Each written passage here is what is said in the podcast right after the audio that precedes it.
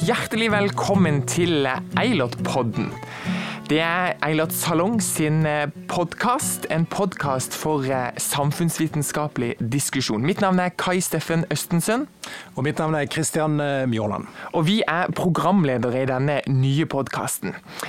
Vanlig så jobber jeg på universitetet, jeg har også vært student på Fakultet for samfunnsvitenskap, hvor Eilert Salong tilhører. Kristian, hva gjør du til vanlig? Jeg er sosiolog og jobber på Institutt for eh, sosiologi og sosialt arbeid. Og tilbringer mye tid i fengsel. Ja, for du forsker i fengsel? Jeg forsker på fengsler, ja. Og hva, hva, finner du ut da? Nei, Vi finner ut veldig mye forskjellig. Akkurat nå sammenligner vi hvordan det er å være fange i norske fengsler sammenlignet med i engelske fengsler. Så det, det, er det store prosjektet akkurat for øyeblikket. Og det er en av mange aktuelle temaer som man kan diskutere i en sånn podkast som vi nå har satt i gang. Det stemmer, det. Og så er det jo noe med at eh, vi vanligvis pleier å være live, basert enten på campus eller i Kristiansand sentrum, men koronasituasjonen gjorde det litt vanskelig. Så derfor har vi starta denne podkasten. Hva tenker du at denne podkasten skal være, Kristian? Denne podkasten skal være på en måte et koronasubstitutt for det vi kaller for Eilerts pop-up. Og det er eh, Universitetet i Agder eh, sitt forum for universitetspolitiske diskusjoner. Det pleier vi å ha et par-tre ganger i semesteret i Vrimlehallen på Universitetet i Agder. Og da diskuterer vi spørsmål som er av på en måte universitetspolitisk interesse. Og vi er jo med å sette samfunnsvitenskapen på dagsorden. Det er vi i høyeste grad. Eh, og vi har på en måte samfunnsvitenskapelige spørsmål for allmennheten. Vi diskuterer på kveldstid i Kristiansand flere ganger i. Og så har vi da denne her universitetspolitiske saken som vi i større grad kun har på, på campus her på UiA. Og Denne podkasten er jo for alle som lytter på, så vi, hører, vi, håper jo at du som sitter hjemme akkurat nå og nyter våre to fantastiske stemmer, opplever dette som viktig i din hverdag. Og I dag så skal vi snakke om et digitalt baluba, Kristian. For eh, koronasituasjonen har ikke bare påvirka Eilert Salong, det har jo påvirka hele universitetet og høyskolesektoren. Det har vi. På kort tid så har eh, plutselig all undervisning måttet eh, legges om eh, og gjøres digitalt. Veiledning måtte gjøres digitalt. Eksamener måtte gjøres digitalt. Og alt har skjedd på veldig kort tid. Og En av de som har stått i dette baluba, det er Tale Sten Johnsen, som er gjest hos oss. Velkommen skal du være. Takk for det. Du, Tale, Kan ikke du først bare si noe om hvem du er? For Jeg vet at du er førsteamanuensis eh, ved Institutt for sosiologi og sosialt arbeid. Og så vet jeg at du også driver podkast til vanlig. Men, men, hvem er du ellers? Tenker du liksom privat? Privatpersonen ja, eller forskeren? La oss bli kjent med deg. ja, nei, altså jeg er jo en, eh, som du hører på dialekten min, en innflytter i Kristiansand. Og jeg kom hit for å ta en doktorgrad sammen med min mann, som er sørlending, da, i 2010. Og før det så jobba jeg med krig og konflikt og bistand i Afrika og i ulike afrikanske kontekster. Og så skrev jeg en doktorgrad om det her på Sørlandet, faktisk. Og nå jobber jeg på universitetet og syns det er verdens beste jobb. Og når du liksom er her på universitetet og jobber, hva jobber du med sånn konkret da? Nei, jeg jobber inn eh, mot det vanlige bachelormiljøet på sosiologi, og så jobber jeg inn mot barnehagelærerutdanningen. Så jeg har liksom én fot på de to forskjellige utdanningsløp, kan du si. Og Det betyr vel kanskje også at du har blitt kjent med, med universitetet litt mer enn bare de som er på ett miljø? Det har jeg. og det, Jeg går og hilser på folk fra ulike fakulteter og tenker noen ganger at det å jobbe på UiA er som å være på leirskole. For det er så utrolig mye hyggelig gøy folk i ulike miljøer.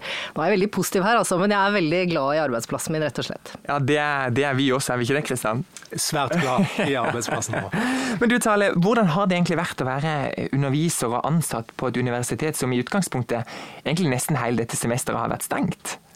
Nei, det var jo en sånn situasjon vi bare måtte ta på strak arm. Og i den strake armen, hadde jeg nær sagt, så syns jeg jo at eh, ting gikk over all forventning, i hvert fall til å begynne med.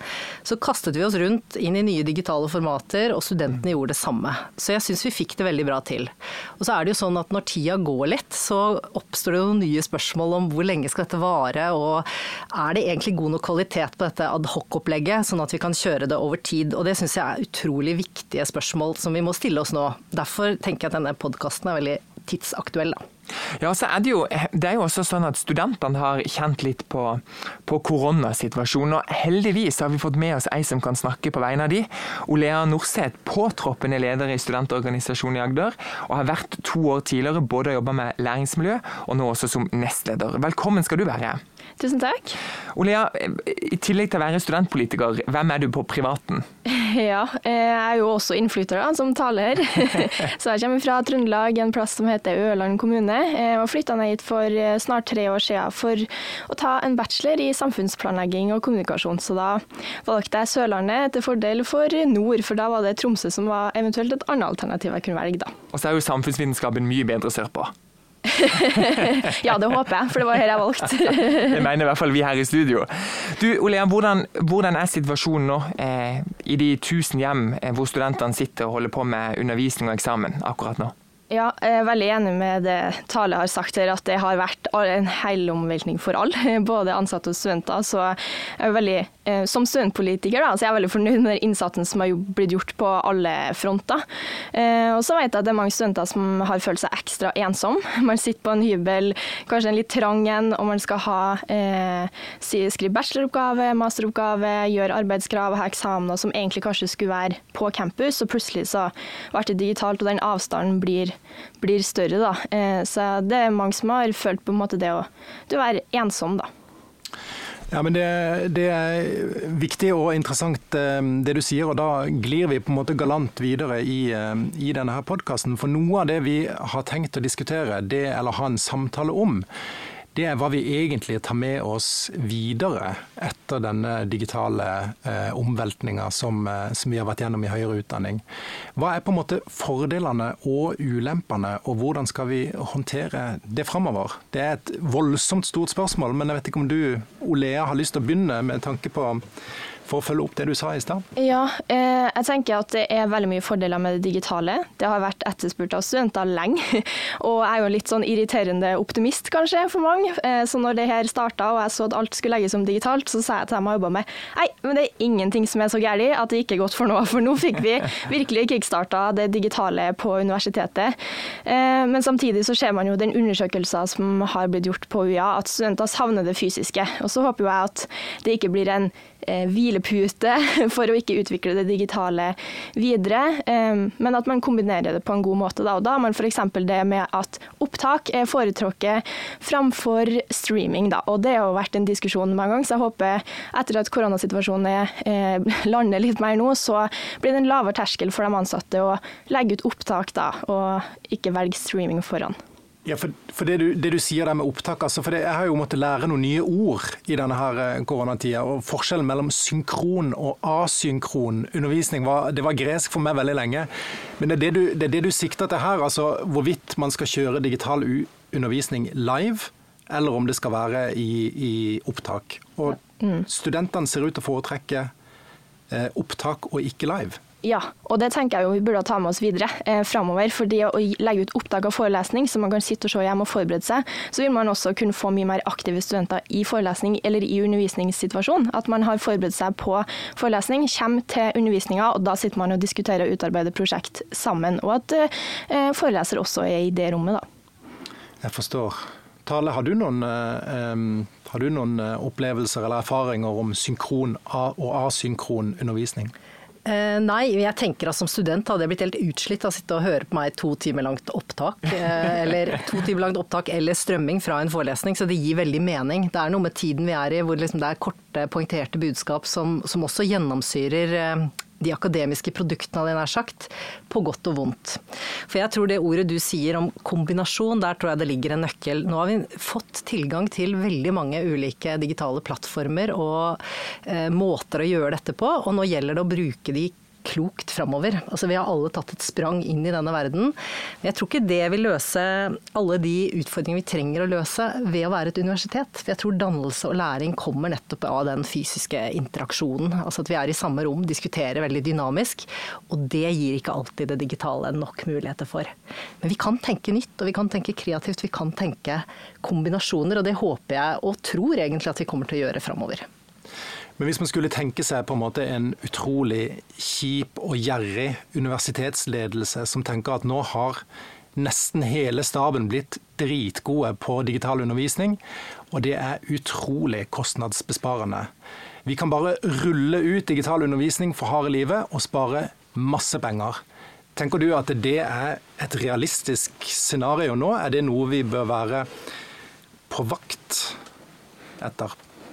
Jeg tror vi må være på vakt. fordi at, uh, Ikke det at jeg har noen sånn akutt mistillit til ledelsen på dette, men det er noen strømninger jeg har tenkt på lenge. Hvordan vi som universitet skal kunne konkurrere med en YouTube-kanal fra Harvard eller Oxford, eller hva er det ved oss som gjør at vi faktisk uh, tilbyr noe annet og mer enn digitale produkter som kan gjenbrukes og gjenbrukes, og sånn sett være veldig, veldig effektive. Så det er veldig mange sånne spørsmål i den potten. da. Så jeg tror som forelesere så må vi være bevisst på at vi lager digitale produkter som, vi, som kan gjenbrukes, og som kan nesten hvis ikke vi er kloke nok, erstatte oss på sikt. Um, og det, det, er en viktig diskusjon vi må ha nå. Det handler ikke om gjerrighet, men det handler om arbeidsbetingelser og etterrettelighet i denne prosessen, rett og slett. Men så er det vel også sånn, for hvis man går inn i den undersøkelsen fra studentene, så sier de jo at, at de opplever dårlig motivasjon, noen opplever ensomhet, og på sikt, hvis vi legger om hele løpet, så kan vel det bli en kostnad for samfunnet?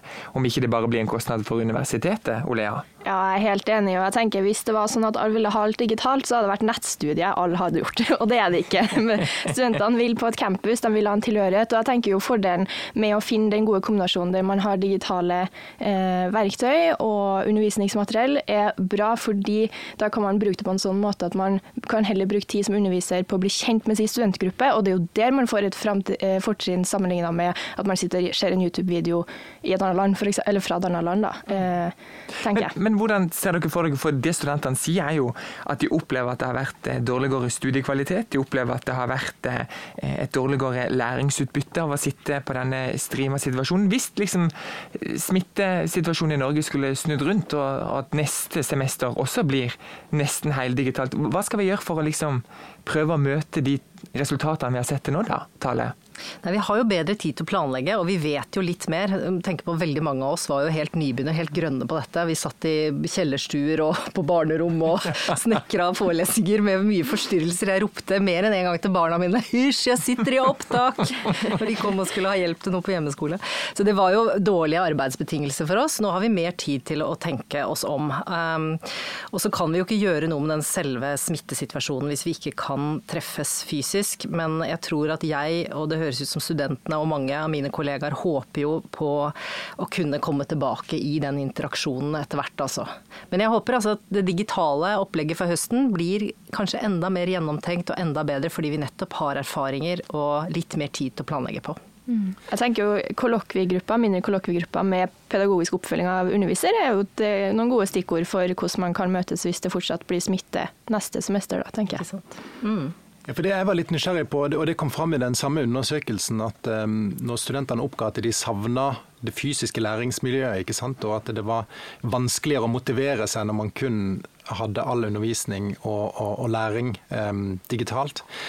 Men som sosiolog blir jeg litt sånn nysgjerrig. Hva er, som, hva er, det som, gjør at den fysiske tilstedeværelsen på campus og i forelesningssalen og i seminarene, hva er det, som, hva er det vi nå kan se, som kanskje ikke vi så så tydelig før, om verdien av det? Jeg tenker jo Først og fremst så blir man jo litt lei av å se på en firkanta skjerm hele dagen. og så blir, Det er jo en opplevd avstand, selv om man sitter på en måte hjemme i stuene til hverandre. og Det tror jeg mange har syntes har vært litt gøy. Og Der sitter du ja, på baderommet, f.eks. i garasjen. Eh, men den faktiske fysiske eh, praten og det at man kan Ja, det å avbryte hverandre er faktisk hakket lettere i fysisk eh, format enn digitalt, og at man kan snakke med litt sånn kortere eh, samtaler avbrutt på, på, en god måte, da, at det gir noe mer inn i samtalen enn digitalt. Jeg tenker Hvis jeg kan legge til noe her, litt sånn sosiologiske eh, mikrointeraksjonsteorier, så har jeg tenkt at eh, hele, alle spillereglene egentlig er helt nye. Og Goffman, kjent sosiolog, hadde han forsket på dette, så hadde han sikkert kommet opp med helt andre regler for samspill, som er i det digitale. Som du sier, kan du avbryte? Når tar du ordet? Når skravler du for mye? Alle sitter og ser på sine egne ansikt, sånn eh, giant heads på en måte. Det er veldig, egentlig et veldig interessant sosiologisk studium, og jeg tror ikke vi vet nok om hvordan eh, dette er for oss. Bare at mange opplever ensomhet og slitenhet ved å sitte for mye på digitale flater. Det er jo det folk melder fra om. Mm. Det er det. Og En annen ting jeg har vært veldig nysgjerrig på, det var det at når, når Norge ble stengt ned, og skolene ble stengt ned, grunnskoler, ungdomsskoler og videregående skoler, så ble det ganske fort en diskusjon om hvordan hvordan vil det slå ut i forhold til sosial ulikhet? Eh, og mange var bekymra for at de, ressurs, de, barna som kom fra ressurssterke hjem, de ville surfe gjennom digital undervisning veldig kurant, mens de som kom fra eh, hjem med mindre ressurser, ville kanskje ikke lære så mye som de ellers ville gjort. da. Men, men er det en parallell her til universitetet? Altså, Vil en sånn heldigital um, undervisning som vi nå har vært gjennom, fører det til økte forskjeller mellom studenter, eller hvordan ser det ut på forelesningssiden? Jeg tenker jo at eh, Det er kanskje ikke rent sånn ressursmessig med, med, utstyr, for heldigvis i Norge så stiller studenter veldig likt. Når, tenker, når man tenker på å støtte økonomisk sett sånn, så kan jo det diskuteres, selvfølgelig. Eh, men jeg tror det med kompetanse på det digitale er et skille. At eh, det er mange studenter som er unge og er oppvokst i digital tidsalder, og så er det noen som ikke har det, eller som ikke har hatt like mye god tilgang på det tidligere. Da. Og at det, på en måte, det er der forskjellen blir nå, av erfaring og kompetanse på utstyret og metodene man bruker. da. Så eldre studenter og eldre forelesere sliter mer med å gjennomføre den type digital undervisning vi nå har vært gjennom? Ja, eller dem som ikke har hatt så mye digitalt utstyr som ung, eh, men som fremdeles er ung, da.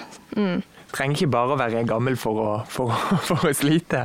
Nei, men, men, for å liksom ta den, den hakket eh, litt videre også, og da tenker jeg liksom kanskje mest til deg, Tale, men for så vidt også Olea, for, for, dette med forskjeller også inn på forskningsfeltet, for det må jo ha blitt påvirka eh, veldig. Hvem er det som får muligheten til å kunne drive gode forskningsprosjekter hvis man ikke kan møte folk?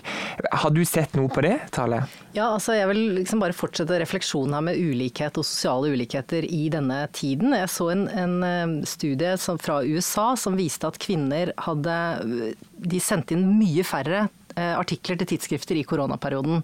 Så det var en bråbrems på kvinners eh, produksjon når de måtte hjem, da. Og det kan vel kanskje antyde at det er noen kjønnsroller, arbeidsbelastning, som slår uheldig ut. Og jeg tror det kan slå ut på livsfase også, om du har små barn osv. Så, videre. så dette vil jo være tilfellet både for studenter og forelesere. At du, når ting blir privatisert, så kommer disse forskjellene mye sterkere fram da, enn de ellers ville gjort. Og det var jo en, en diskusjon også her med, det var vel rektor på Oslo Met, Kurt Rice, som foreslo at når man skulle tilbake igjen og åpne opp samfunnet, så mente man på at kanskje kvinnene skulle komme først. Ja. For at eh, disse ulike rollene hjemme eh, mm. kanskje kunne bli tatt tak i fra bunnen av. Ja, og det igjen, da, det er mange ting man kunne studert her og forsket på, og dette er også en av de tingene som jeg gjorde refleksjoner i et relativt likestilt hjem. Eh, så gikk vi i noen sånne mønstre, jeg og mannen min, som, som jeg tror flere kunne kjenne seg igjen i.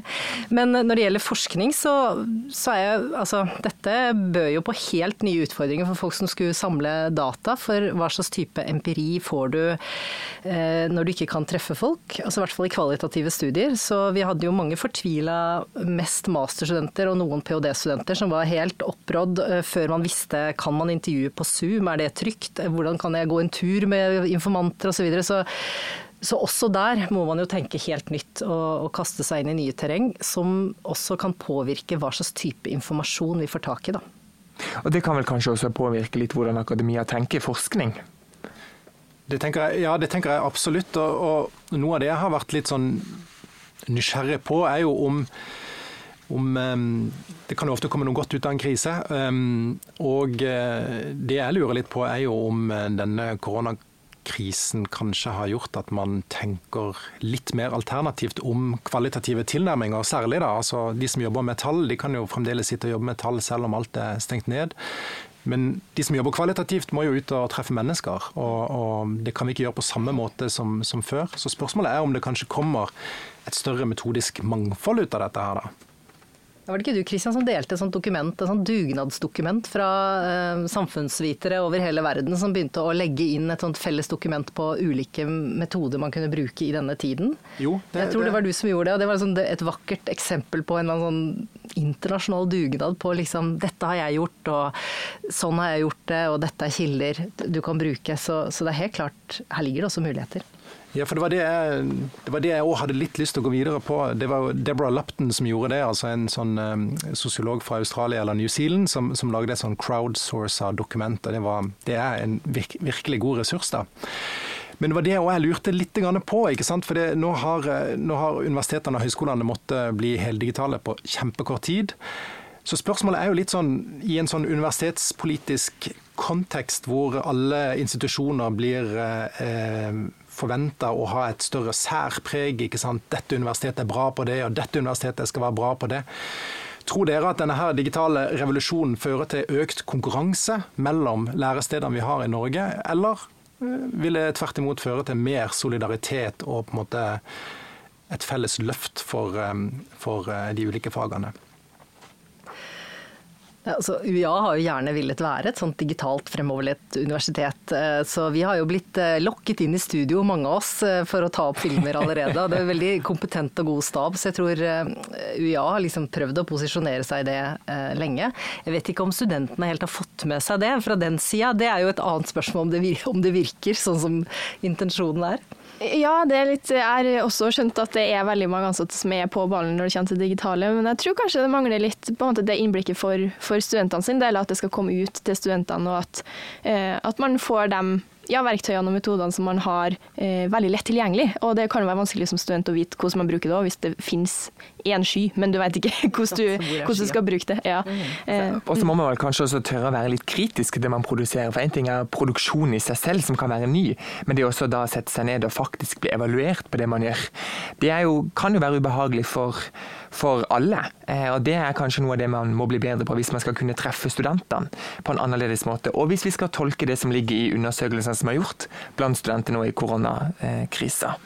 Men, men, jeg kunne tenke meg å dra bitte litt videre. fordi det er jo litt sånn at eh, i den diskusjonen som har vært de siste tre månedene siden vi gikk i lockdown eh, 11. og 12. mars, eh, at noen mener at ja, eh, vi, nå tar vi en sånn pragmatisk tilnærming til det hele, og så går vi tilbake igjen til vante eh, takter når, når vi åpner opp igjen? Eller er det faktisk sånn nå at vi er i en revolusjon som kommer til å forandre vår levemåte og vår væremåte i akademia. Hva tenker dere om det, eh, Olea? Jeg tror det blir en forandring hvis vi velger at det skal være det. Eh, men som jeg sa litt i stad, så er jeg litt sånn eh, bekymra for at undersøkelser der det synes at studenter liker fysisk undervisning, blir en hvilepute. Og det syns ikke jeg det skal være, fordi man ser også at de ønsker digital undervisning. Eh, og så må man jobbe for at den blir bedre. Så hvis vi velger det, så blir det en digital revolusjon. Og så, eh, Det kan kanskje du tale. Du, Gjennom din jobb så regner jeg med kanskje du reiser litt, for det har vært en annen diskusjon. Klarer liksom, Gjennom koronakrisa klarer vi å, å endre våre eh, reisevaner, levevaner på Tror du at du kommer til å bli en litt mer sånn miljøbevisst sosiolog eh, fremover? Jeg har vel egentlig vært en miljøbevisst sosiolog lenge. Etter å ha reist fra meg liksom, da jeg jobbet med disse ulike langt, langt av gårde, landene langt av gårde. Men nei, jeg tror at dette kan bidra til at vi faktisk reise mindre, fordi det er slitsomt å reise. Og mange rapporterer jo at sånne små reiser for et kort møte i Oslo eller Bergen eller sånn er slitsomt. Eh, så, så det, der kan man absolutt effektivisere, for å si det sånn. Og så vil det nok ikke ta bort behovet for den fysiske, de, de fysiske møtene. Men kanskje en bedre balanse på mm. sitt beste. Og, ja. ja. og apropos det med om all undervisning blir digital og at man er redd for at det skjer kutter, så tenker jeg kanskje man skal velge møtevirksomheter før man begynner å kutte i undervisninga for å spare penger. Ja. Men, så jeg tror, det, jeg tror, ikke det, blir en revolusjon, men jeg tror det blir en digital forandring. Eh, og jeg tror revolusjoner kan røske for mye opp i det vi allerede kan og vet. Så jeg tror det er en sunn, eh, sunn digital forandring, hvis man kan kalle det det. Ja, for hvis vi liksom, Folk er jo litt lei av å høre om korona, men det er jo likevel noen ting som vi kan lære av. Hvis vi skal peke til høsten, da, for det er jo snart studiestart, nå er det snart sommerferie, og så er vi på'n igjen. Hvordan tror dere høsten kommer til å bli, Olea? Eh, studiestart skjer jo, og det skal bli fysisk. Eh, og så må man bare finne ut akkurat hvordan. Eh, og som ny student så vil det jo på en måte oppleves sånn som det oppleves, fordi man har ikke vært student før. Og da tenker jeg det blir viktig i ettertid å, å, passe på så at man har lyst til å komme til campus når det blir mer normalt. Da. At de nye studentene som ikke fikk så mye campus, kommer på campus når det blir mer normaltilstander igjen. da.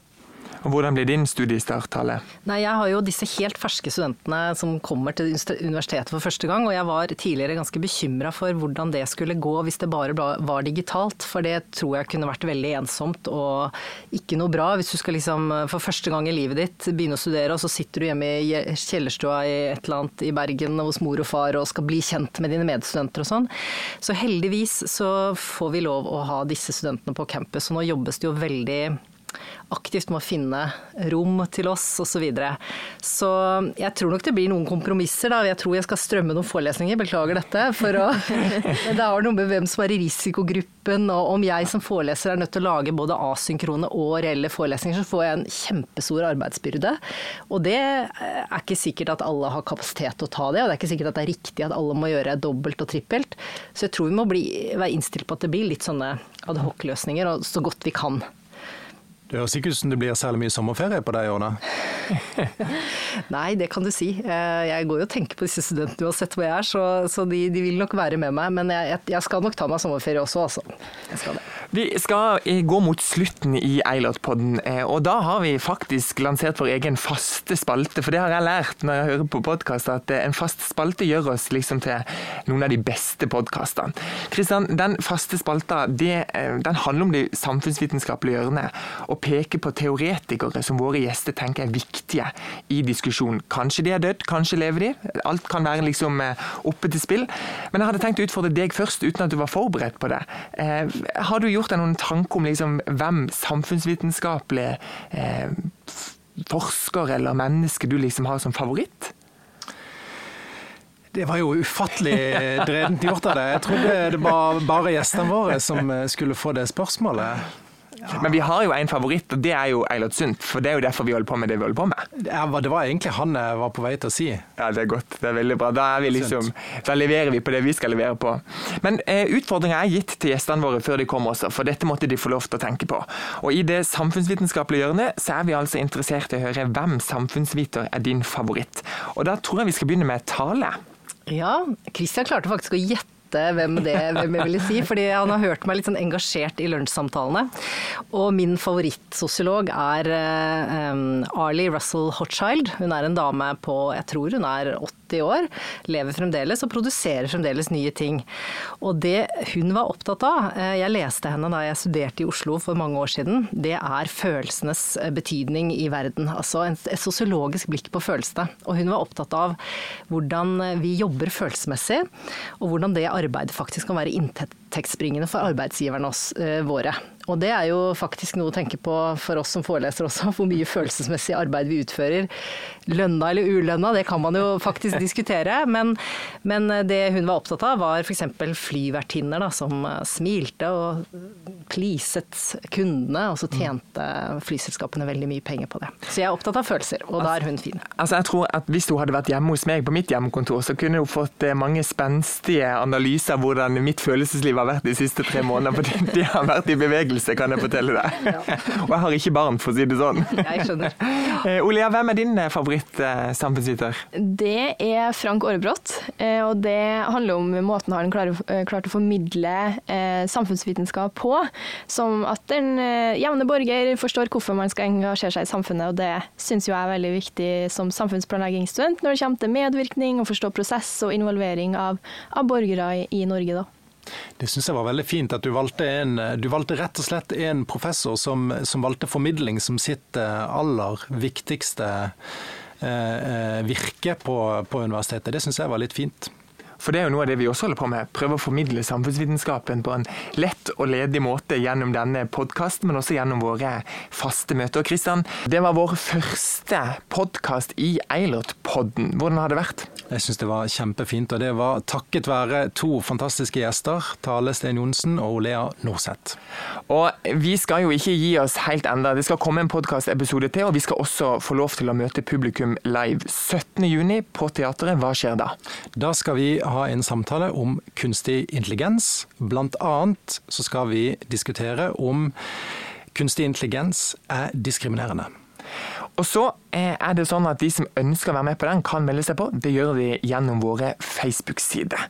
Vi må vel minne alle om å holde avstand og stay safe. Vi har klart å holde énmeteren her i studio, det er vi fornøyd med. Mitt navn er Kai Steffen Østensen. Og mitt navn er Kristian Mjåland, og dette var Eilert Podden.